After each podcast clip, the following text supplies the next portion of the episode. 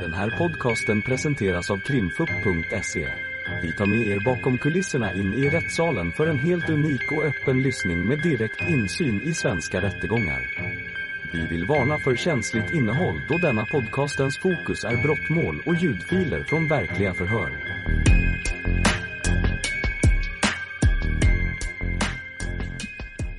Då hålls målsägande förhör med Beatrice Johansson. Varsågod åklagaren. Ja, tack. Beatrice, skulle du kunna börja med att berätta om eh, din son Emanuel? Hur var han? Eh, ja, men alltså han var ju som alla ungdomar är. Han, eh, men han var ändå lite egen av sig för så att eh, eh, han, han hade ju sina utsagade dagar. Han gick på jobbet. Han eh, gick hem, bytte om kläder och så kom han till oss och åt middag. Så satt han hemma hos oss till elva. Och låste han och for. Då jag gick i säng, alltså då han hade egen nyckel till oss. Eh, eftersom både jag och min man, vi jobbar ju i en annan kommun.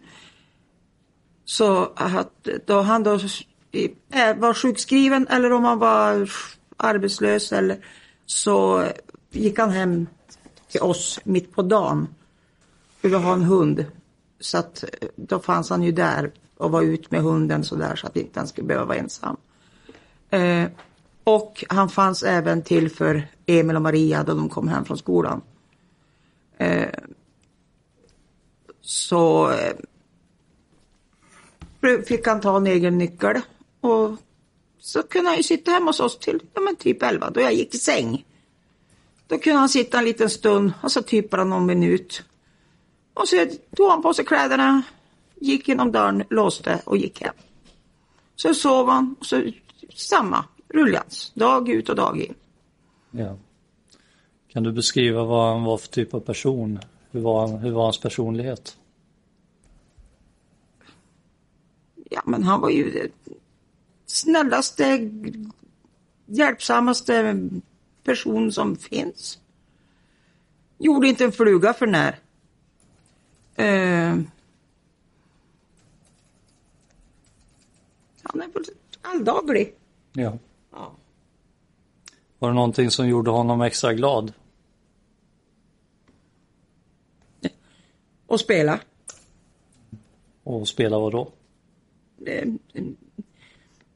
mobiltelefon. Eh, gitarr. Han hade ju ett trumset som stod i, nu stod det i förrådet för han hade inte, han hade inte utrymme för att ha det. Men eh, då han hade möjlighet så spelade han ju trummor, han spelade gitarr. Eh, han hade ett sånt där så kallat, vad ska man säga, musiköra. Alltså han, eh, han lärde sig eh, låtar med att sitta och lyssna på låtarna, typ Spotify och klinka på gitarren. Och höll på och till slut så satt ju melodin där på gitarren. Ja. Ja. Berätta om hans förhållande till sin mobiltelefon. Ja, ibland funderar jag om den var fastlimmad i handen på honom. För det såg man ju även på den här video, videosnutten som var inspelat. Lampan som lyste framför han, det var ju det att han gick ju med mobiltelefonen. Och eh, alltså det som för mig tar 20 minuter att gå från oss och hem till han. Det tog han 40 minuter. Okej. För att han gick med den där mobiltelefonen. Du berättade Emil och Maria att Ja. det är, är det hel eller halvsyskon till Emanuel? Halv. Ja. Och hur, vad är det för ålder på Emil och Maria? Emil blir 16 eh, nu i juli och Maria blir 15 i juli. Ja. Och du berättade att de eh, umgicks i princip dagligdags eftersom han var hemma hos er så ofta. Ja. Utanför familjen, vem har Emanuel umgåtts med då? Eh, Simon Sandström eh, sporadiskt. Är vad jag då kom på nu. Annars har han ingen. annan. Förutom de som anlitar han som chaufförer. Och berätta om det, vad, vad vet du om det när han anlitades som chaufför? Ja, alltså jag må ju säga att säkrare chaufför hade, hade de inte. För de personerna han hade med sig dit han körde, de, de personerna hade han med sig hem. Han får inte att lämna någon.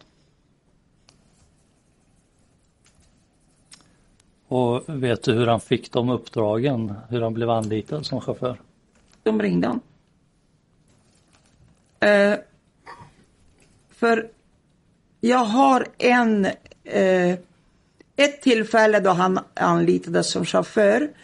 Eh, det var eh, en nyårshelg.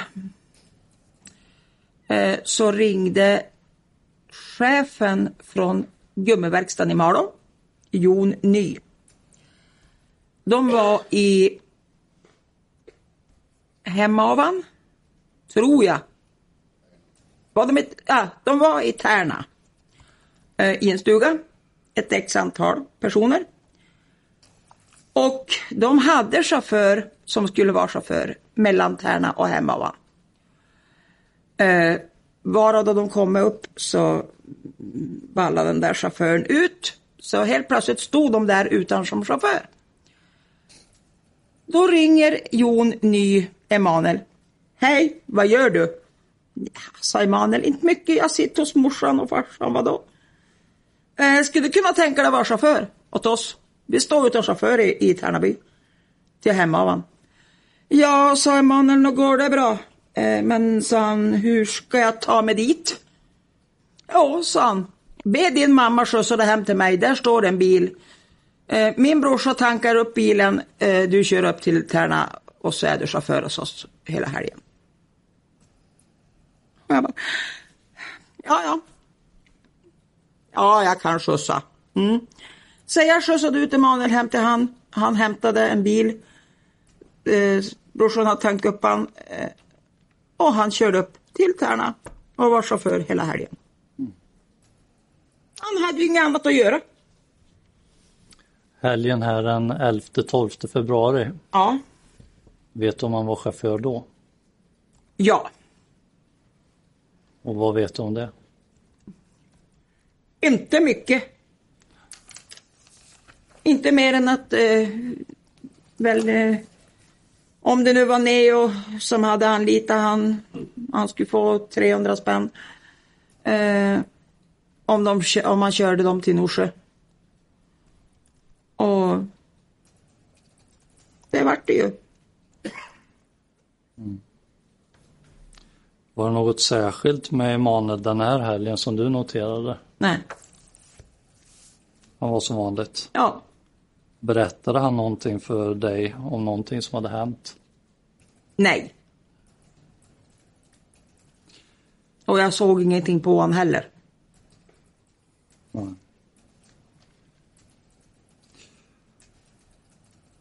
Och beskriv här för oss den här natten. Jag förstår att det kan vara svårt. Du får ta den tid du behöver. Men 12-13 februari, vad var det som hände då?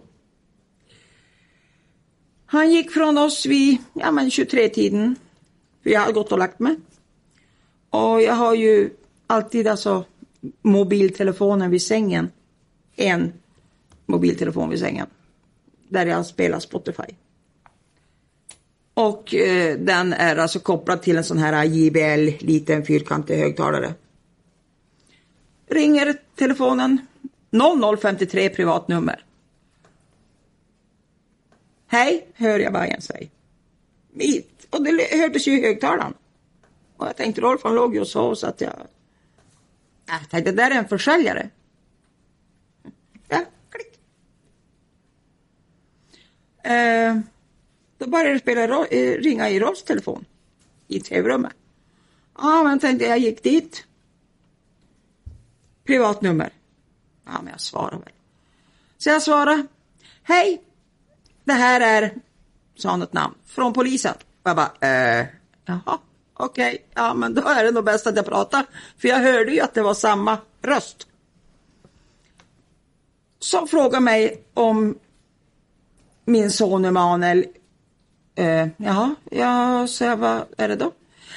Hur mår han? Eh, och har, du se, har ni sett, alltså har han varit hos er?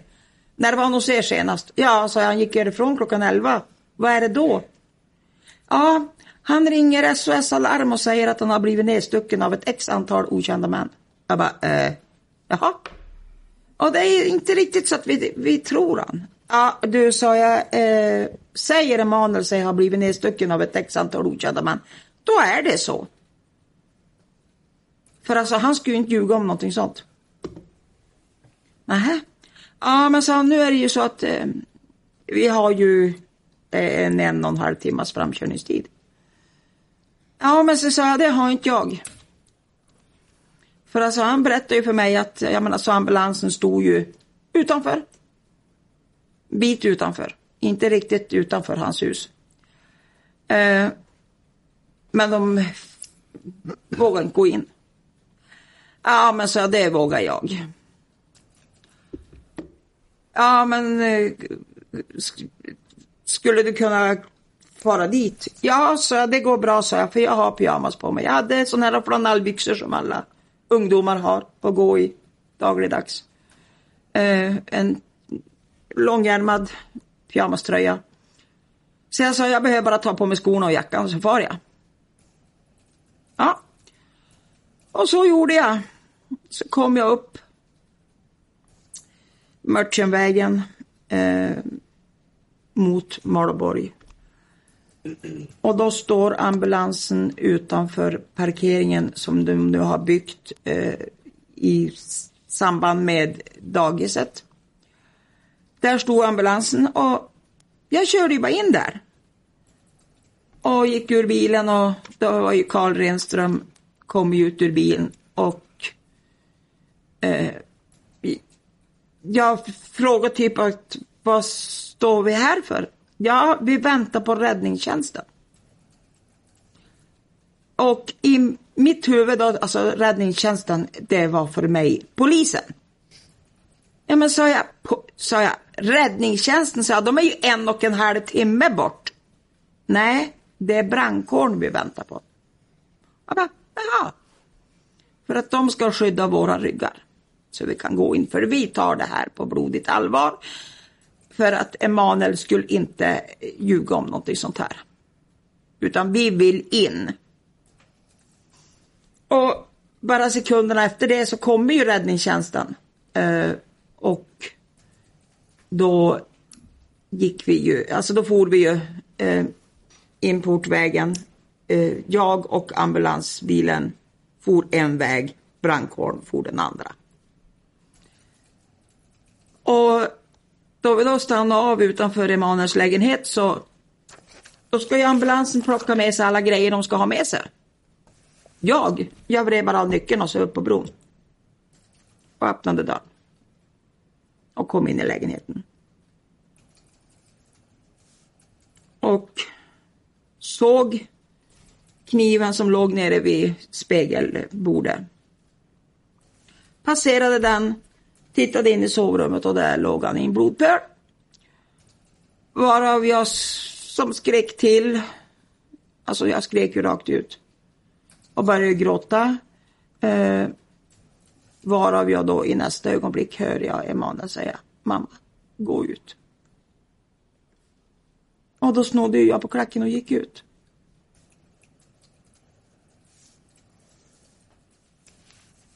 Eh, Sen vad alltså ambulanspersonalen gjorde där inne, alltså det vet jag ju inte för att eh, jag stod ju ute med räddningstjänsten. Eh, de la en fill på mig för jag frös ju.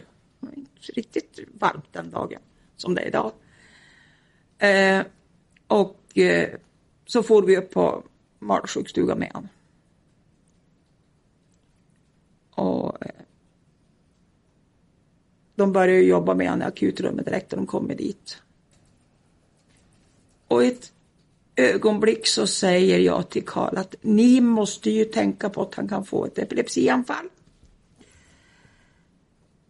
Och i nästa andetag så säger Karl, ja, och där kom det. Och då låg han ju och krampade. Eh, men det var ju ganska över ganska fort ändå. Eh, men alltså det ledde till, till hjärtstillestånd. Och resten vet ni väl?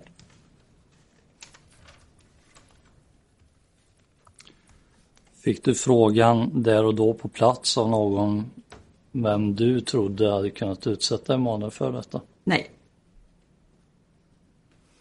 Hade du någon tanke om det efteråt? Nej. Hade du hört någonting om, eh, om anklagelser mot Emanuel om hans sexuella läggning? Eh, ja, det fanns ju för alltså, jag hade ju nämnt, nämnt det för eh, Malin den andra. Om att det fanns ett rykte om att eh, Emanuel skulle vara pedofil. Men eh, det fanns inte i mitt huvud att så skulle fallet vara. Mm. Visst, alltså, han hade skickat någon bild, ja. Eh, jag hade pratat med honom om att så där gör man inte. Ehm, han ska ha smsat med flickor som var under 15. Ehm, jag hade pratat med honom om att, jag menar alltså typ att du är 27 år gammal. Du ska inte smsa med eh, yngre tjejer. Men mentalt eh, Emanuel var inte, var inte den åldern han ska ha varit. Har han haft något förhållande som du vet med någon tjej? Eh, ja, alltså han träffar ju, alltså han börjar ju chatt, prata med en tjej. Eh, och de ska ju träffas i sommar. Eh, då hon tog studenten, alltså hon är ju 18. Eh, de eh, har bara pratat med varann via telefon. Eh, för hon bor ju typ Eskilstuna någonstans kring där. Eh, men alltså de var kontaktledes en mobiltelefon. De pratade 24-7. De till och med kunde somna i samtal. Emanuel sov i sin lägenhet uppkopplad mot henne. Hon sov hemma hos sig uppkopplad mot honom. Ja. Vet du om de hade träffats någon gång fysiskt? Nej. Men tanken var kanske att de skulle göra det nu i sommar? Ja. Tänkte fråga något om de som är tilltalade i målet, hur du känner dem. Eh, Marlene Ahlqvist, berätta hur du känner henne. Ja, jag lärde känna henne då hon kommer flyttandes till Röka. Men och mycket mer. Vi var, jag var dit några gånger. Eh, genom att, alltså vi har ju då barn som är typ lika gammal. Eh, men alltså det är ju inte mycket mer, alltså två, tre gånger jag kanske har varit dit. Som jag kan minnas. Hon har varit till oss någon enstaka gång, eh, bland annat på ett kalas som vi hade för Emil och Maria. För de fyller ju ganska nära varann. Maria första juli, Emil 9 juli. Så då brukar jag som slå ihop ett kalas för de båda två. Ja. Och flyttades till Rökå säger du, vet du när i tid det var? Uh, jag, jag flyttade från Rökå 2006. Och flyttade dit 2001. Så det är ju däremellan någon gång. Okej. När vi är inne på Rökå, har du hört talas om den här påstådda händelsen när din son ska utsatt Max och William för någonting? Nej. Inte vad jag kommer på just nu. Det enda jag vet det är att Malene sa till mig vid ett tillfälle att Emanuel ska ha tvingat av någon kläderna. Men det är det enda. Och vet du när i tid var hon sa det? Inte på rak arm. Var det nu i närtid eller var det lång tid tillbaka? Lång tid tillbaka. Och William Ahlqvist som är Malena Ahlqvists son, har du haft något närmare att göra med honom? Med William? Ja. Nej. Robert Bengtsson. Eh, vi har varit hem till han två gånger. En gång i Slagnäs. En gång i Malå. Eh, han har aldrig varit hem till oss. Eh, sen har man pratat med honom sporadiskt ute på samhället. Nå, inte något mer. Ja. Och Robin Nieminen. Nej. Okay. Hans bror då, Max. Eh, nej.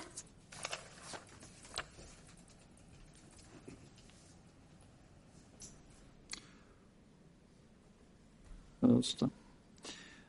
Du, hur länge hade Emanuel bott i sin lägenhet här på Ortvägen 14C? Han skrev på kontraktet 1 december 2019. Var det första gången som han bodde ensam eller har han bott eh, i någon annan bostad innan dess? Eh, nej, alltså de, de perioderna han har varit och gått skola eh, så har han bott på elevhem. Ja. Mm. Vet du, eh, jag frågar så här. Hade du, har du varit på besök hos Emanuel hemma på Ortvägen? Eh, jo. Alldeles för många gånger. Kan du beskriva, eller så här, jag har ju sett nu, jag har ju visat upp från brottsplatsen där. Det fanns i vart fall tre knivar. Man kunde se. Har du sett några arbetsknivar i hans bostad när du varit där?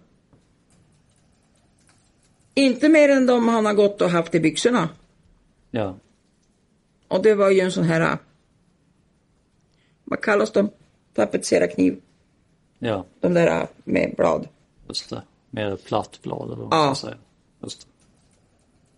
Och hade det i jobbet eller? Mm.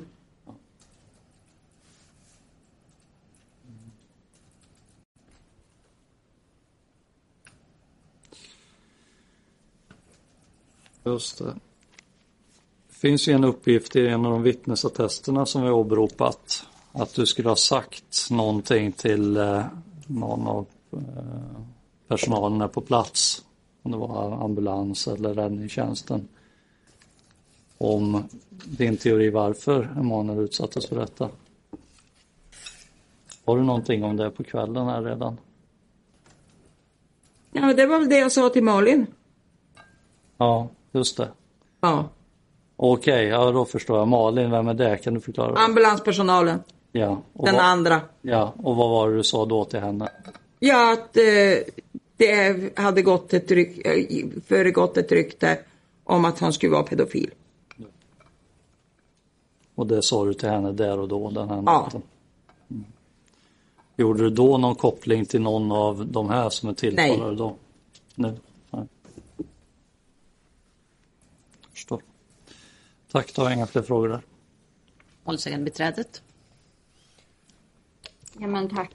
Eh, du har berättat jättebra om Emanuel. Eh, Jag hade några kompletterande frågor bara om honom.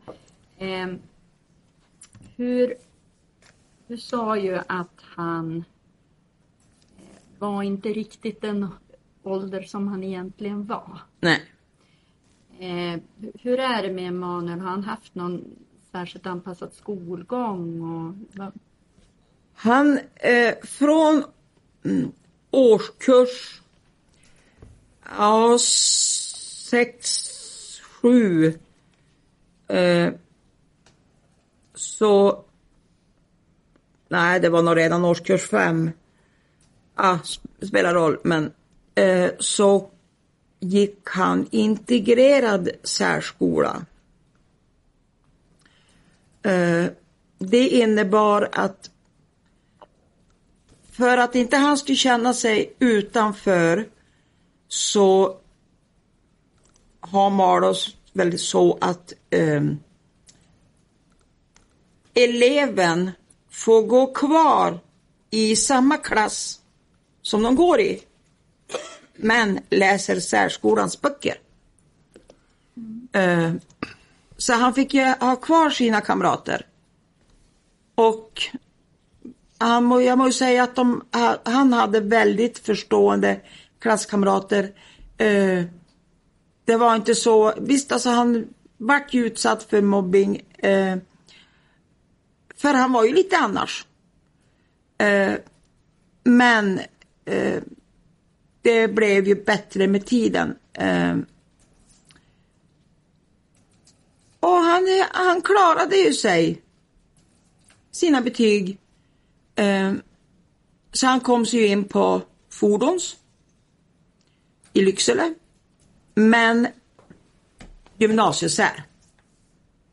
Genom att han var inskriven typ mot särskola med deras böcker så blev det automatiskt att han gick särskola på Tammerskolan. I Lycksele? Ja, och läste till fordonsmekaniker. Just det. Mm. Eh, vad, vad hade han för diagnos? Han hade ju en lindrig utvecklingsstörning som tyvärr försvann då han blev 18. För då gjordes en ny utredning på habiliteringen i Lycksele. Som under vissa kriterier i den utredningen så låg han över det normala. Och då försvann hans utvecklingsstörning. Om du skulle uppskatta, för du sa ju att han, han var inte i den ålder som han egentligen var. Om Nej. du skulle uppskatta, vad, vad var han i för mental ålder? Eh, I en utredning som var gjort eh, typ i trean, fyran så klassades han som sex år och nio månader yngre än vad han i verkligheten var. Eh, Och då menar du trean i alltså småskolan, Ja. i grundskolan? Ja.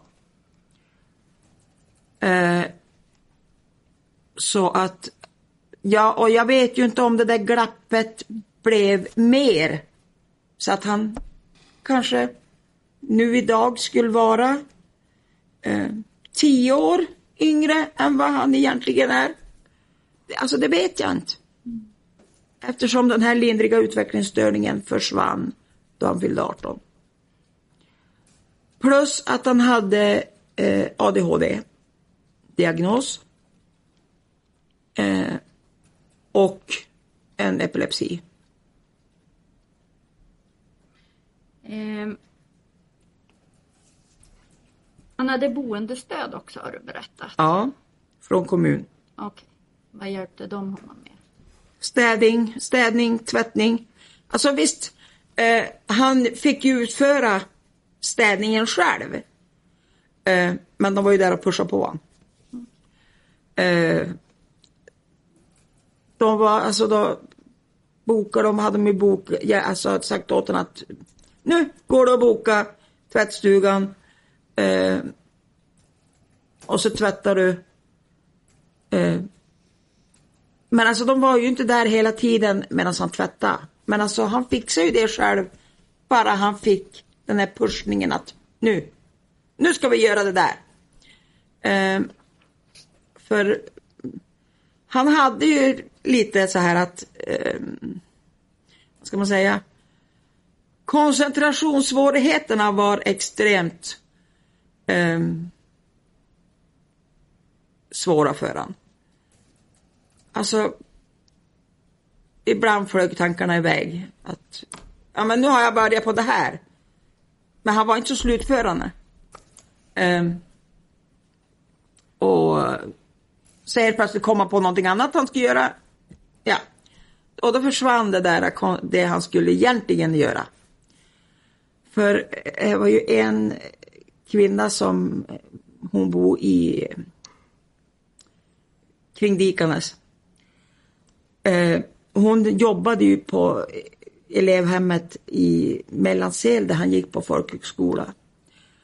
Och hon berättade ju för mig en gång nu på begravningen att, ja men att personalen på elevhemmet där Emanuel bodde hade väldiga problem med att få han att städa. För de hade sagt åt honom flera gånger att nu Emanuel, nu ska vi gå och städa ditt rum och elevhemmet. Alltså, för de städar ju även lokalerna, ja men som köket där de kunde sitta och fika på kvällarna. Ja men jag ska bara röka. Nej Emanuel, nu går vi och städar ditt rum. Ja men jag ska bara göra det här. Eh, nej, nu. Ja du sa jag, de bekymren de finns kvar fortfarande ska jag tala om för dig. För jag får ju strida med honom ibland också. Då jag kom hem till han och man bara men Emanuel, alltså hallå, håll inte på att vara dags att städa nu. Ja, jag vet. Jag tar det sen. Ja. Hur var det med, med Emanuels ekonomi? Mm. Eh, han fick lön den 27, den var slut 29. Hade han något konsekvenstänk? Eh, nej. Eh, du har ju berättat att han var väldigt nära både dig och, och sina syskon. Och, Ja. eh, och även Rolf förstår jag. Ja. Din nya man. Mm. Ehm, och, och du har ju också berättat att han som spenderade dagarna hos er när han inte var Mm. på jobbet. Hur var det när ni åkte på semester? Följde han med då? Och följde inte Emanuel med, då var det någonting som inte stämde. Eller att han inte fick ledigt från sitt jobb. Ehm, jag har förstått att ni hade en väldigt nära relation och vi ska ju höra Ja. Mm. Emil och Maria också om deras relation. Men hur upplevde du relationen mellan Emanuel och Emil och Maria? Eh, ja, alltså Emil har ju nu sedan det här hände sagt till mig. Eh, ja, sa han, vet du mamma, en sak skulle jag ha klart för dig. Emanuel han har lärt, han har lärt mig allt, han, allt jag kan. Och jag bara, eh, jaha, tack för den du. Har inte jag lärt dig någonting? Har inte din pappa lärt dig någonting? Nej, det är Emanuel. Eh, för eh, jag har ju också en ADHD-problematik. Eh, så att jag och teknikens under, eh, nej, de, de två, ja, vi går inte ihop. Men alltså, Emanuel, hade jag något bekymmer? Snälla, hjälp mig. Vad har jag nu gjort för fel med den där datorn eller vad har jag nu gjort för fel på den där telefonen? Han bara, men mamma, nej, nej, nej, nej. Varsågod, fixat. Eh, så alltså, nu, Emil, vad har jag gjort för fel? Hjälp! eh, ja, De hade en nära relation. eh, ja, Ja, han hade ju fått fast anställning Ja. bara några månader innan det här Mm. hände. Eh, var han glad för det? Och ja, och ännu gladare blev han ju då han fick eh, godkännande att eh, köra mattransporterna. Eh, för eh, eh han, eh, från början då han fick köra de här mattransporterna, då följde ju alltid en med. Så alltså han körde dem ju inte själv. För de ville ju kolla att han fick, att han klarade det. Så alltså han chef följde med han i bilen. Eller någon annan som hade möjlighet. Eh, varav de såg att det här fixar han galant. Så han fick ju börja köra själv. Och han klarade det. Och eh, en utav eh, alltså Patrik, han heter Patrik Stenlund. Han är, ja men typ, han jobbar som någon administrativ chef faktiskt inom, vad heter bod, bostadsgänget så att säga. Eh, vi satt och fika, hade typ en minnesstund på, på fyren. Det är den lokalen som eh, bo, boendestödjarna har. Eh, vi satt där och fika dagarna efter det här hade hänt. Och ja, man hade minnesberättelser.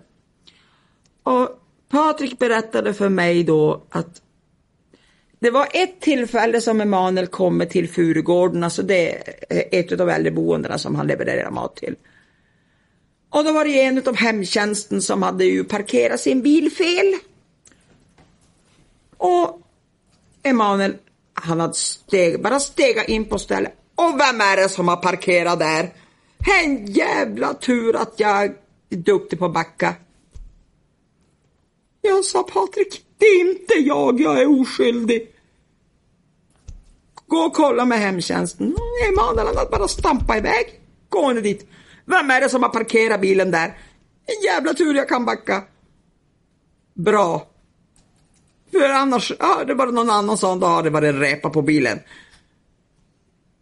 Alltså det var sån han var. Eh, jag frågade ju angående hans ekonomi tidigare. Ja. Var han skuldsatt på något sätt? Eh, han hade gjort sig skuldfri 25, 27 januari. Klockan 24.00 på natten gick han in och betalade sina sista skulder. Till Kronofogden. Eh, hur, hur upplevde, du har ju berättat att det tog väldigt lång tid för Emanuel att gå mellan det. Ja. Hur var Emanuels tidsuppfattning? Vilken tidsuppfattning? Ja, men om du säger hur lång tid Eh, han, han, ja, alltså han visste ex, han visste exakt. Jag hade flera gånger måste ringa åt han. Du, du vet att middagen är här klockan fem. Vars är du? Ja, jag kommer. Jag sa, vars är du? Jag går hemifrån nu. Jag bara, eh, jaha, okej. Ja, då vet jag. Eh, jag, 40 minuter senare då kom han in genom dörren. jag tänker, vi lyssnade ju på det här larmsamtalet igår. Beatrice. Ja. Och då säger han först att det här hände för 30 minuter sedan och sen säger han också att han också kom hem för ungefär, eller han säger en halvtimme sedan. Mm. Också. Ehm, och det vet vi att han kom hem strax efter elva. Mm. Eh, hur, en halvtimme för Emanuel, var, alltså, hade han lätt för att säga hur långt bak i tiden någonting hade hänt? Nej. Så det är inte säkert att det var en halvtimme för att han hade sagt det. Nej. Absolut, och inte då i det stadiet som han var nu. Den kvällen.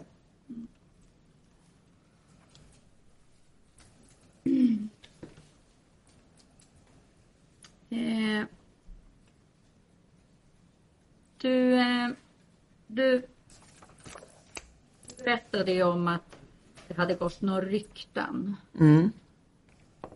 Eh, är Emanuel dömd för något brott? Nej. Och de här ryktena som du sa, vad, vad, vad var det? Vad hade du hört? Att han ska ha skickat någon snoppbild till eh, Roberts dotter bland annat. Eh, och att han ska ha smsat med tjejer yngre än han. Nej, vad jag vet. Jag har inte, eller vad jag har hört. Jag har inte sett något jag, som jag kan få henne bekräftat.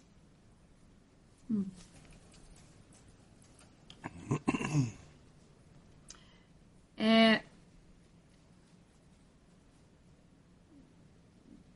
har du någon gång pratat med Robert Bengtsson om eh, de här ryktena?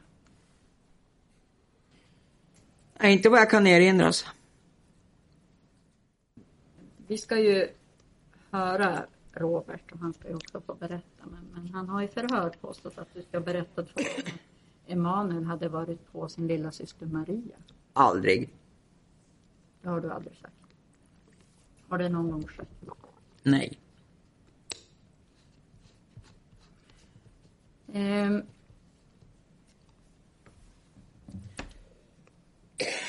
Hur, eh, du berättade angående din relation till Robert Bengtsson att du hade varit hem till honom någon gång och ni pratade någon gång på, byn när ni stötte på varandra. Mm. Hade du träffat honom nyligen inför det, innan det här? Har du någon aning om hur länge sedan det var du hade pratat med honom innan detta? Jag pratade med han i... Vi stod och pratade i... Var det november, oktober, november någon gång. Eh, utanför hemmet hans. Jag hade varit på sån här... vad heter... Ja men inför gymnasieval kom i olika skolor till grundskolan och visa upp sig. Och då stod vi och pratade. Jag har ju varit och kört runt där och kollat på de här adresserna och Roberts hus ligger ju i stort sett mitt emot skolan. Så var det, det var utanför honom då. Ja.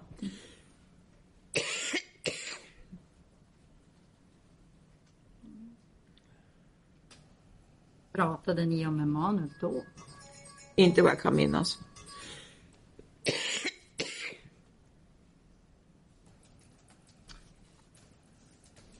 Eh, du har ju berättat om din relation till, till de här fyra tilltalade.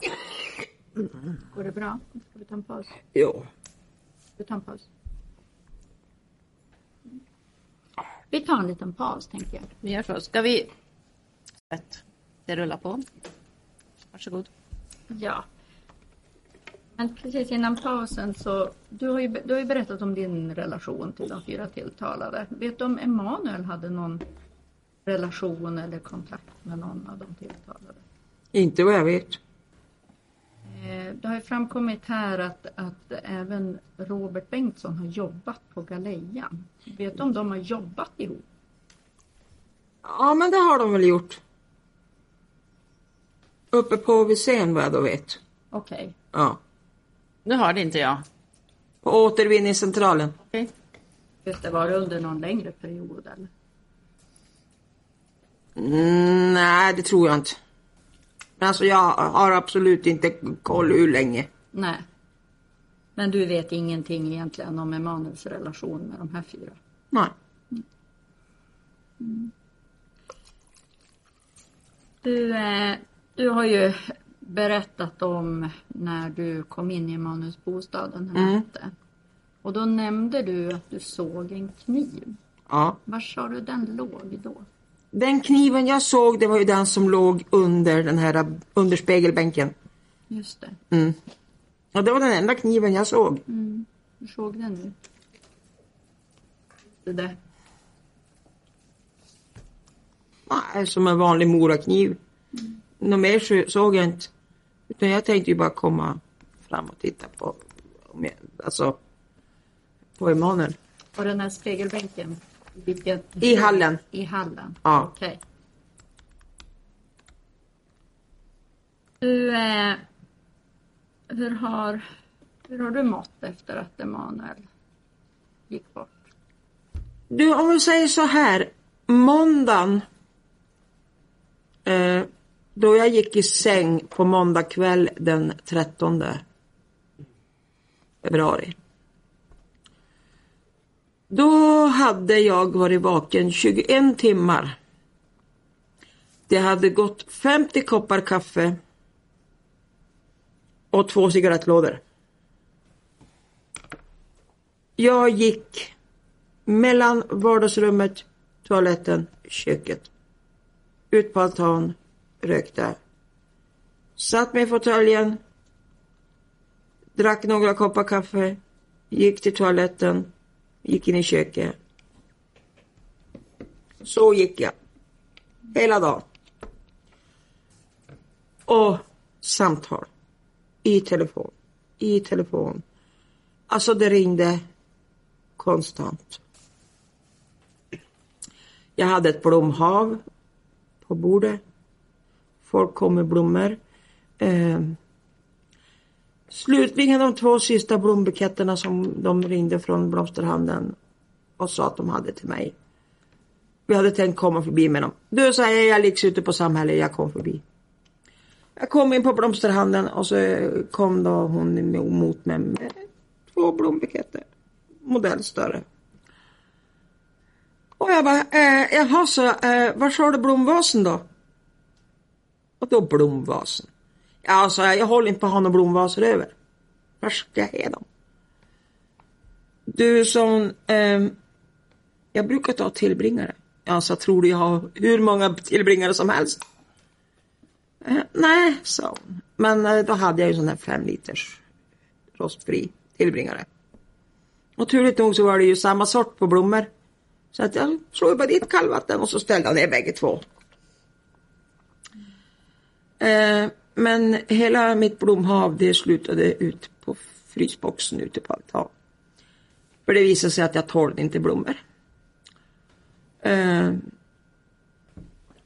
jag var utan röst i fyra veckor. Minst. Får du beskriva hur du har, hur du har känt det och hur du har upplevt det här? Alltså jag kan inte begripa hur det finns så mycket tårar. Eh, alltså så fort någon i Malå kommer fram, beklagar sorgen, så har det varit som att bli ur en disktrasa. Um, allra jobbigast var ju på den här ljusmanifestationen de hade gjort för Emanuels på torget. Um, det var hundra personer på torget i Malå samhälle. Alla grät och kramade om en och tände ljus och ja. Mm. Det var många som visste vem Emanuel var, ja. förstår jag. Mm. Uh, och han var ju med i en sångkör ett tag uh, som hette Kvitter. Och uh, då, jag, då vi var på den här ljusmanifestationen så var det, alltså det var en av kantorerna i Malå kyrka som hade startat den här manifestationen. Och eh, jag stod och pratade med honom på kvällen. Eh, och det var en, alltså flickvännen till den här Simon Sandström som hade gett mig ett förslag. Att det där skulle jag haft på begravningen. Och det var att några medlemmar ur sångkören Kvitter skulle sitta framför församlingen, alltså på olika ställen och då tillfället skulle komma att de skulle göra något så skulle de alltså bara ställa sig upp och så skulle de sjunga Knocking on Heaven's Door. Och då jag berättade det för nu Danny som hade startat den här manifestationen. Alltså han höll på att frysa ihjäl. Men sa han, eh, vill du ha det så fixar vi det. Självklart. Och eh,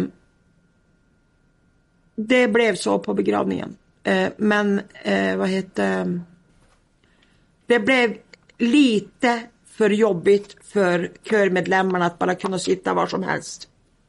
Så att de hade gjort valet att de stod på läktaren uppe på i kyrkan. Så att de fick stå i en klump. Eh, och eh, eh, Då de då börjar sjunga den där sången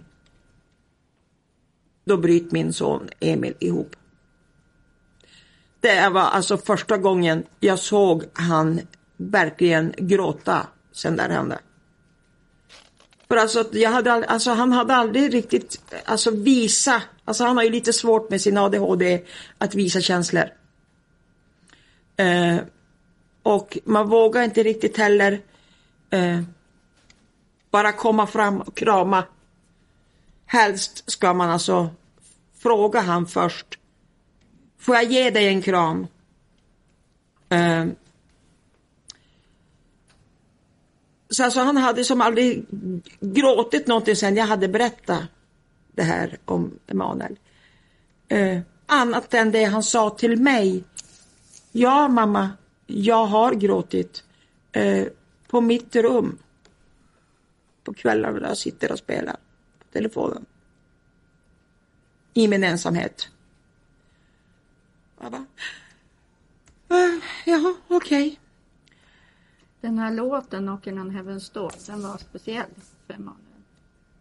Ja, det var ju idolansökan. Mm.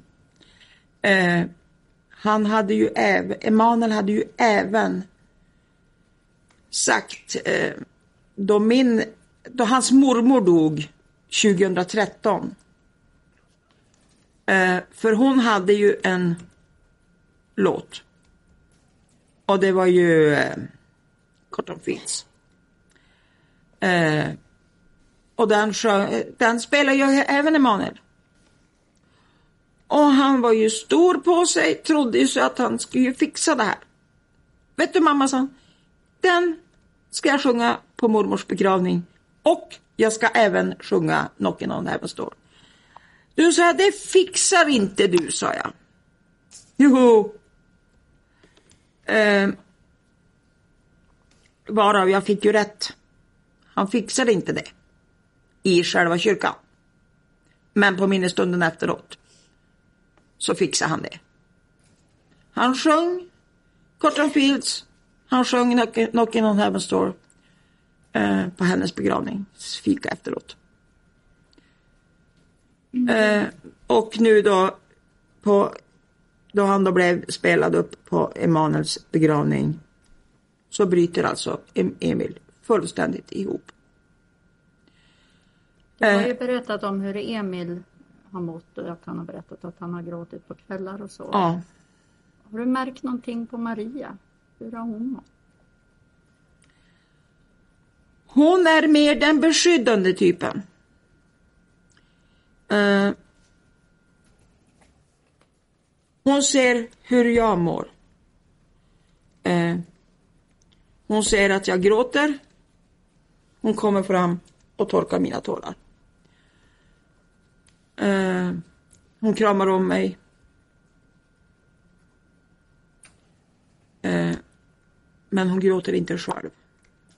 Vi ska ju snart höra uppspelning av förhöret med, mm. med Maria och du har ju berättat om Emils ADHD. Hur mm. är det med Maria? Har hon någon diagnos? Uh, hon har en generell språkstörning. Eh, så alltså hon har ju väldigt stora bekymmer i skolan. Eh, hon har största delen inte godkända betyg. Årskurs 8. Eh, men alltså hon, hon tragglar på i sin takt. Eh, de är då nu och går skola i, dag, i tre dagar. För att de inte har godkända i vissa ämnen som inte de har hunnit göra färdigt. Då får de ju gå och skola tre dagar. Eh. Vi kommer ju att höra det här förhöret med henne mm. men, men jag upplever att det kan vara svårt att höra vad hon säger när hon ja. pratar. Ja. Mm. Du, eh, du har ju varit sjukskriven i anledning av mm. det här. Hur länge har du varit sjukskriven? Ja. Jag har varit sjukskriven. Eh, jag var ju sjukskriven redan innan det här hände av en annan anledning. Eh, jag lider bland annat av fibromyalgi i grunden.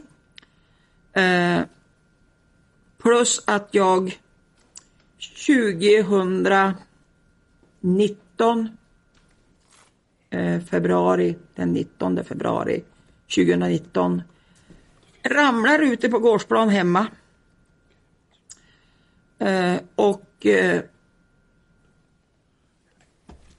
efter allt så visade det sig att jag hade en fraktur på första ländryggskotan med en kotkompression på 3,5 cm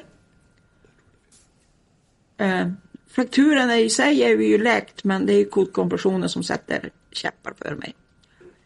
Eh, så alltså jag går ju sjukskriven 50 procent av min 75-procentiga anställning. Och har så varit sedan 2019. Men i samband med när det här hände, blev du helt sjukskriven? Ja, alltså jag hade varit, jag hade, hade, jag hade varit helt sjukskriven typ en månad. För annars har jag varit sjukskriven 50 procent. Men just i den januari månad så var jag sjukskriven 100 procent. Skulle måndag den 13 februari börja om och jobba 50 procent. Och så händer det här.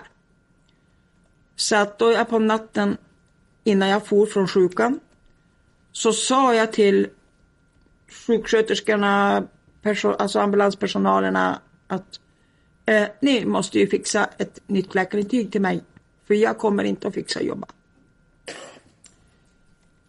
Och så blev ju fallet. Jag blev ju då förlängt sjukskriven 100 procent. Och är det riktigt då att du var sjukskriven februari, mars, april och så sen att du gick tillbaks? Ja, första maj så började jag jobba 25 procent Och nu är du tillbaks? på 50. Ja. Mm. Mm.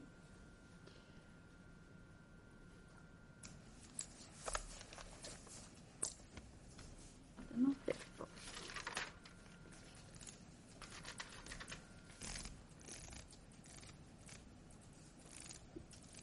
Nej men tack, då tror jag jag stannar där. Att Elveros. Beatrice, jag har några frågor och de handlar helt och hållet om natten mellan den 12 och 13 och från att du kommer till Emanuels lägenhet. Du säger till om du vill ta en paus eller så. Går det bra att jag börjar? Ja. Eh, och då tänkte jag fråga, du berättar att du går först in i Emanuels lägenhet och att han ropar åt dig att, eh, han skriker åt dig att gå ut. Och då, Ja. och då går ambulanspersonalen in. Så gott du kan bedöma, hur länge är ambulans, hur, hur länge dröjer det innan ambulansen sen åker iväg? Och det vet jag inte. Nej. Du får svara att du inte vet och Ja. jag förstår det. Okej. Vet du om vad ambulanspersonalen har gjort på plats? Har det hänt någonting så att säga med Emanuel när han bärs ut? Bandage eller? Han var bandagerad. Eh,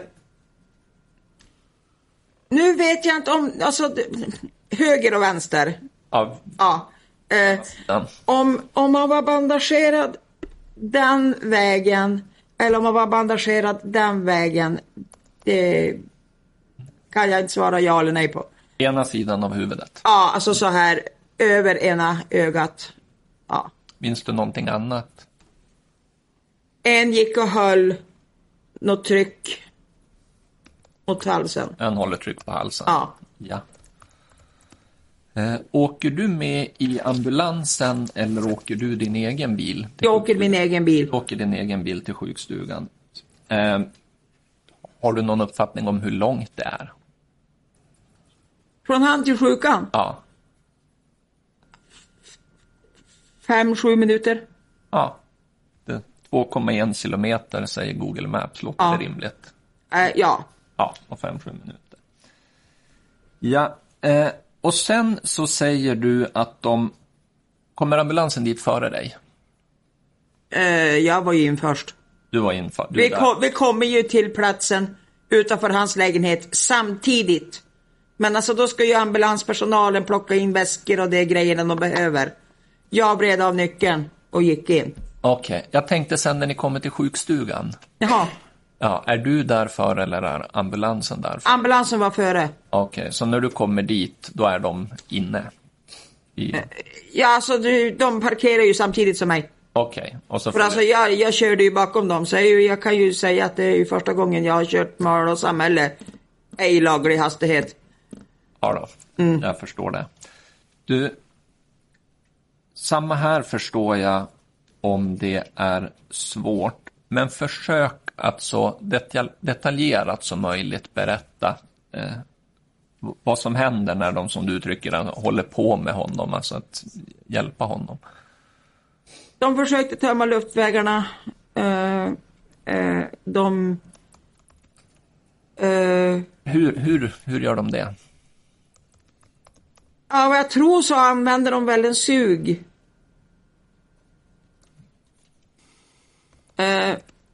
Eh, de sätter på...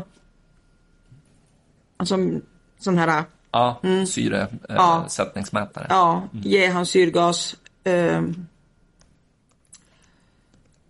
nu minns inte jag om det var då helikoptern hade kommit som de eh, borra eh,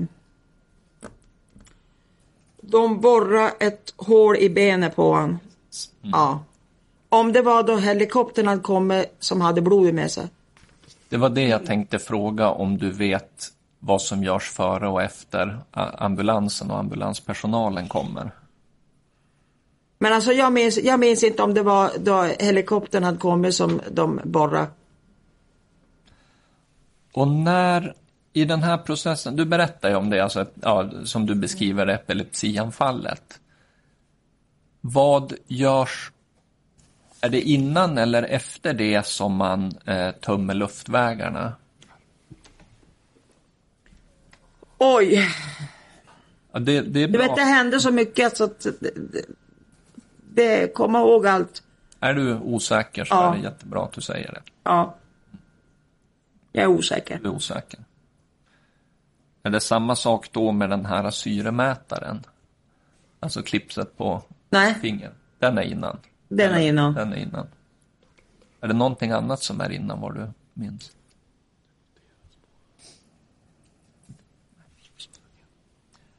Nej. Tack så mycket Beatrice. Det var de frågorna jag hade till dig. Du har berättat jättebra idag. Advokat Holst. Jag har inga frågor till. Advokat Nyström.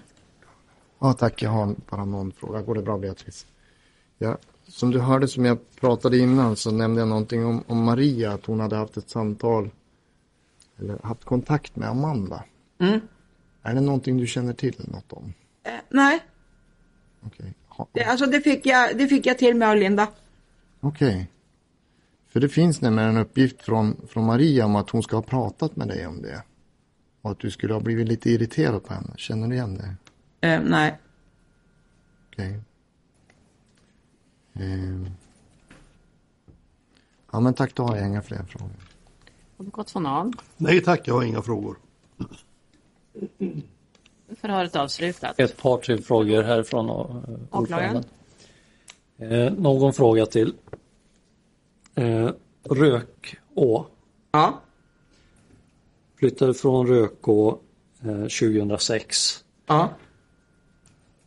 Umgicks ni därefter någonting med Marlene i Rökå? Alltså att ni åkte tillbaka och umgicks? Nej. Och sen det som du säger om epilepsianfallet. Vet du när den senaste gången var som Emanuel hade ett epilepsianfall? Eh, jo. Det var 5 april. Eh, nu ska jag säga här, jag fyllde 49 och jag är 51 nu. Vad blir det då? 20? 21? 2021?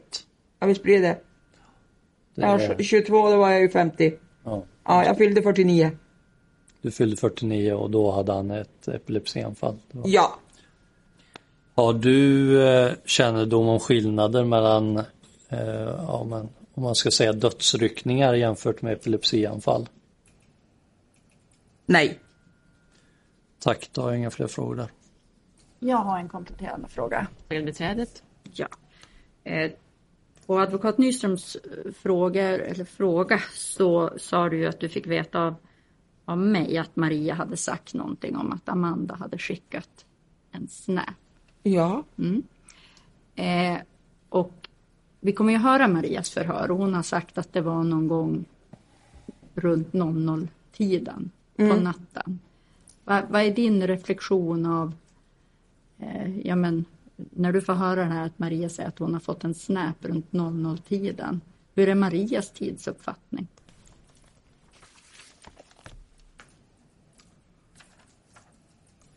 Eh, ja, alltså ehm, den är ju inte så bra den heller. För alltså. Om jag jämför Emil och Maria. Om de slutar skolan 20 över 3 båda två. Eh, så är Emil hemma 25 över 3. Tar han fem minuter att gå från skolan och hem. Eh, Maria, det kan ta en kvart, 20 minuter. Hon är typ Emanuel. Jag, ja, men jag ska bara göra det där. Eh, ja, men jag kan gå på toa. Och jag har ju alltid sagt åt dem att vad jag vill, alltså för jag är ju hemma. Alltså jag slutar jobbet klockan två. Eh, jobbar i Norsjö. Så alltså det tar mig typ 45 minuter sommartid att köra hem. Så alltså jag är ju hemma innan tre. Eh, och jag har alltid sagt åt dem att då ni slutar skolan ska ni komma hem direkt. Och vill ni då fara till en kompis så säg det. Men ni ska höra av er först. Att eh, du mamma, får jag nu fara till den där kompisen direkt efter skolan? Så att jag vet vars ni är. Inte bara det här att fara. Men jag tänker mer att när Maria säger att hon har fått en snap en, en natt vid 00-tiden. Betyder det, tror du, att hon har fått den exakt 00.00? Eller kan hon ha fått den tidigare eller senare? Eller? Tidpunkten står ju på, klock- på telefonen. Mm. Och tittar hon på telefonen, ja men det står ju klockslaget. Mm. Men det här är ingenting som ni har pratat om? Att hon skulle ha fått någon snap? Mm. Ja, tack. Då är förhöret avslutat. Ni har lyssnat på ett avsnitt av Krimfupps podcast. Tipsa gärna oss på krimfupp.se om det är någon speciell rättegång ni skulle vilja höra. Tack för att ni har lyssnat.